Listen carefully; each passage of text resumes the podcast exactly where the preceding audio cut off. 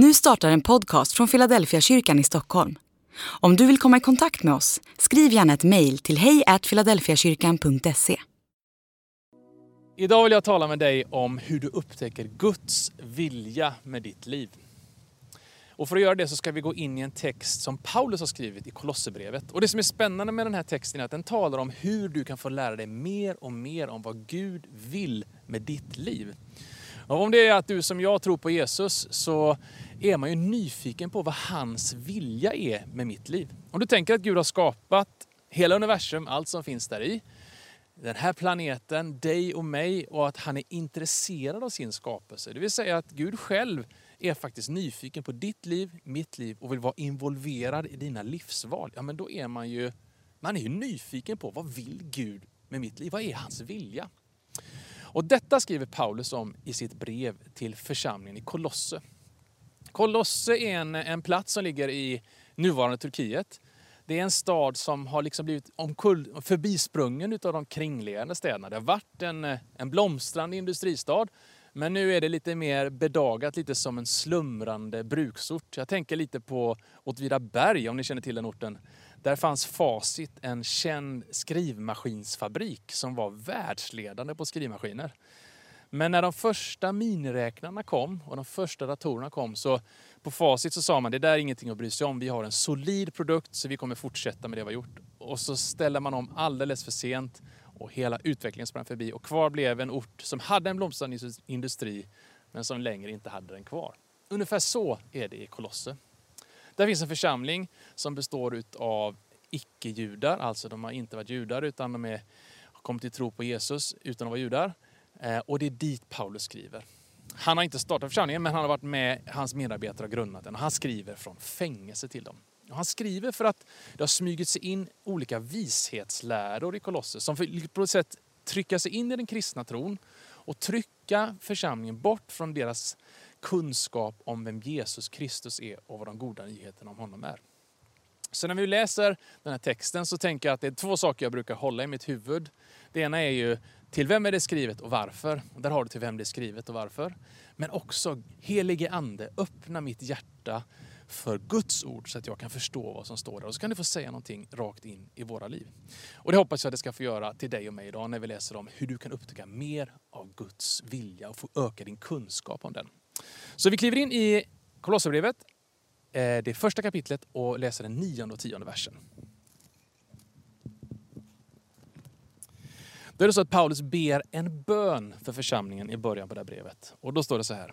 Vår bön är att ni ska fyllas av kunskap om Guds vilja med all andlig vishet och insikt så att ni kan leva värdigt Herren och på alla sätt behaga honom med alla slags goda gärningar när ni bär frukt och växer till i kunskapen om Gud.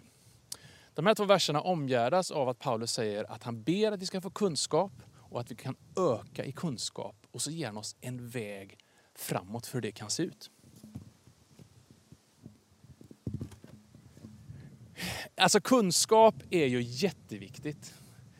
Om man inte har kunskap då är det lite som att gå igenom en, en lång korridor med massa olika dörrar som du inte har en nyckel att öppna dörrarna med. Men kunskap är ju en nyckel att öppna med. Om du har fått till dig kunskap så har du möjlighet att öppna de där dörrarna och kliva in i nya rum, förstå någonting, uppleva någonting och göra någonting som du inte annars gjort. Om du inte har den där nyckeln, kunskapen, så kommer du inte in. När mina barn började skolan, då var det egentligen två saker som jag hoppades skulle hända. Det ena var att jag bad en bön. Käre Gud, låt mina barn inte bli mobbade och låt dem inte bli mobbare. Men det andra var faktiskt, hoppas att de lär sig att läsa fort. Och jag ville att de skulle lära sig läsa fort. För att om man kan lära sig läsa, då kan man ta till sig kunskap. Att ha svårt med läsning, kanske du har svårt med läsningen, gör att det är svårt att få in ny kunskap. Det finns andra vägar, men i böcker nedtecknat så är det så mycket som har med att få in ny kunskap att göra. Så det börjar med att man har kunskap. Och Paulus han säger att vi behöver ha kunskap om Gud och hans bön är att vår kunskap ska växa. Och så beskriver han hur det ska gå till för att den där kunskapen ska växa.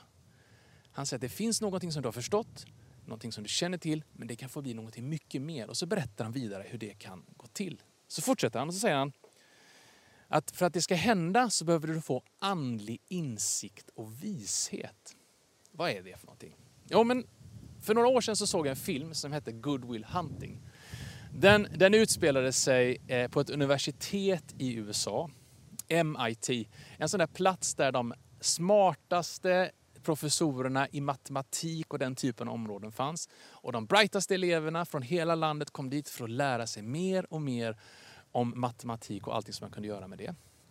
Och då inleds det med att den här, den här professorn som är den bästa professorn på skolan, han skriver ett väldigt svårt matteproblem på tavlan.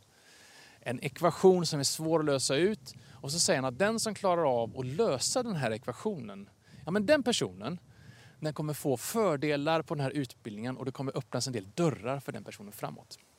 Och alla eleverna, de smartaste av de smartaste, de försöker ju lösa den här ekvationen men det är ingen som klarar av det.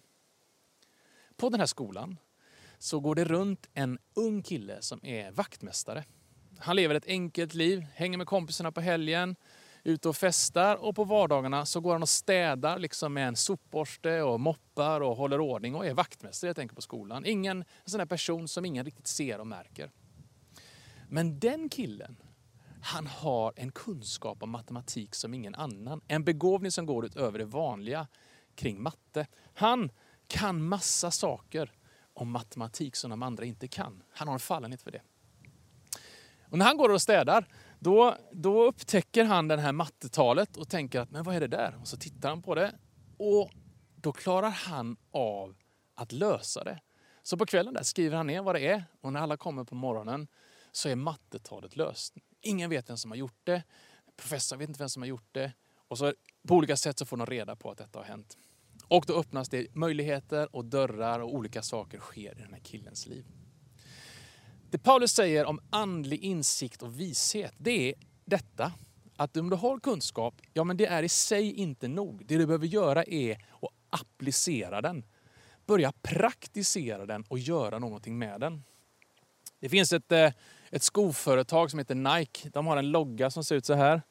Eh, och deras slogan är Just do it. Typ, gör det bara. Och det är lite som Paulus säger samma sak. Alltså, du har kunskapen men vad du behöver börja göra det är att praktisera den och göra det.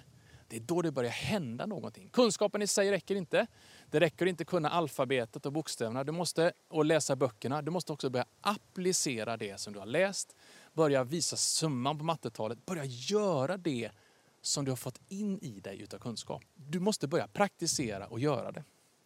Och då säger Paulus att när du praktiserar och gör det, då kommer du göra goda gärningar.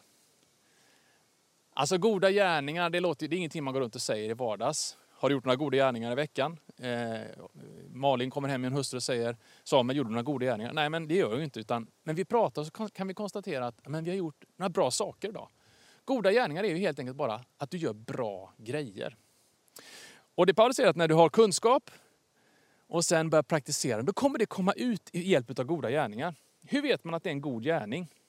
Ja, men det säger Paulus, det, det vet man på den frukt som det bär. Han säger att goda gärningar, de ger god frukt.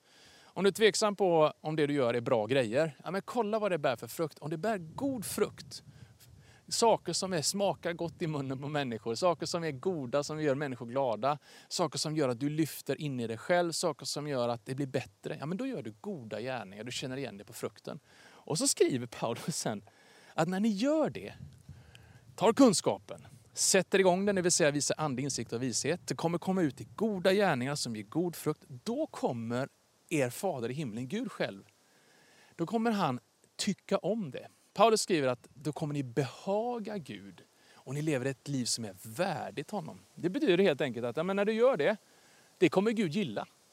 Gud gillar detta. Han älskar detta. Det är, han tycker det är gott och välsignat. Och när du gör det, säger Paulus, då kommer du att växa till i kunskap igen om Guds vilja och vad han vill.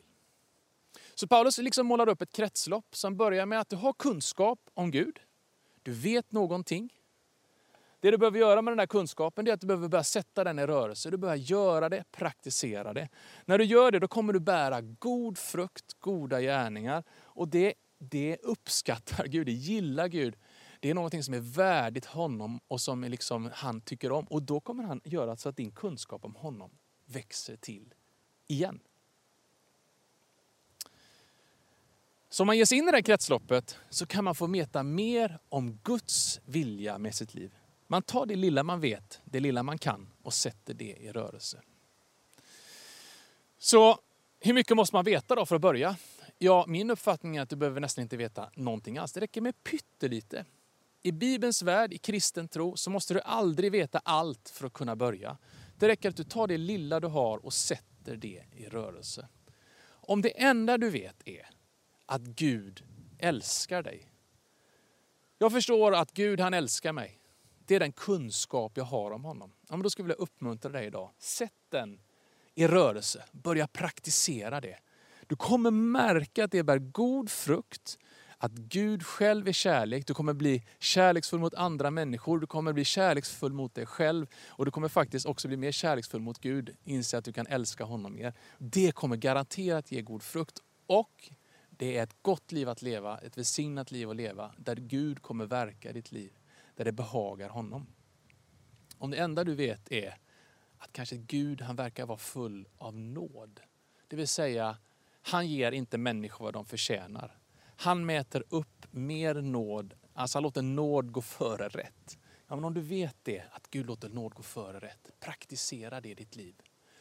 Låt nåd gå före rätt även i ditt liv. Och jag garanterar att du kommer märka att det bär god frukt, både för dig, människor runt omkring och i din gudsrelation. Och det kommer Gud uppskatta, det kommer han gilla. Och din kunskap om vem Gud är, ja men den kommer att öka. Jag är helt säker på det. Så min enkla utmaning till dig idag, oavsett om du har känt Jesus länge eller om du precis knappt ens är säker på att du tror, den är egentligen densamma. Du som har kanske gått med Gud länge, Kanske du har läst din bibel många gånger. Du vet rätt mycket om Gud. Du har mycket kunskap om hans vilja. Min utmaning till dig idag, nej men det är börja praktisera.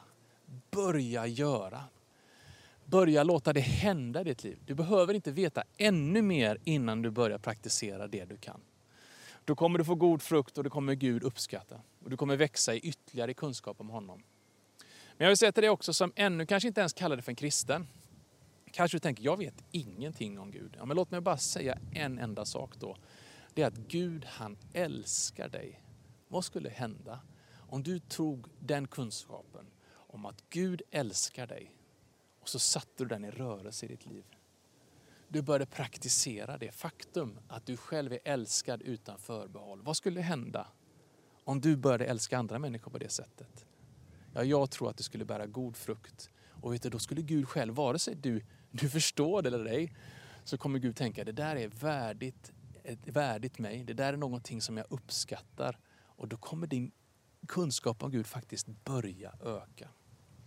Så det är min hälsning till dig idag. Ta det som du vet om Gud, oavsett hur lite eller mycket det är, och sätt det i rörelse. Och jag är säker på att det kommer få stor effekt. Låt mig nu få be för dig till slut. Gud, jag tackar dig för att du har gett oss kunskap om dig. Tack att vi kan titta oss omkring bara naturen och förstå att det finns någonting mer.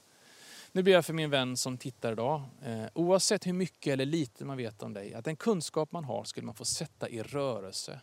Och när man gör det Gud, så ber jag att det skulle få bli till välsignelse för människor runt omkring. Att de goda gärningarna, alla de bra sakerna skulle få bära god frukt. Och så tackar jag för att när vi gör det, så möter du oss om och om igen och du uppskattar det vi gör det är värdigt dig att göra det.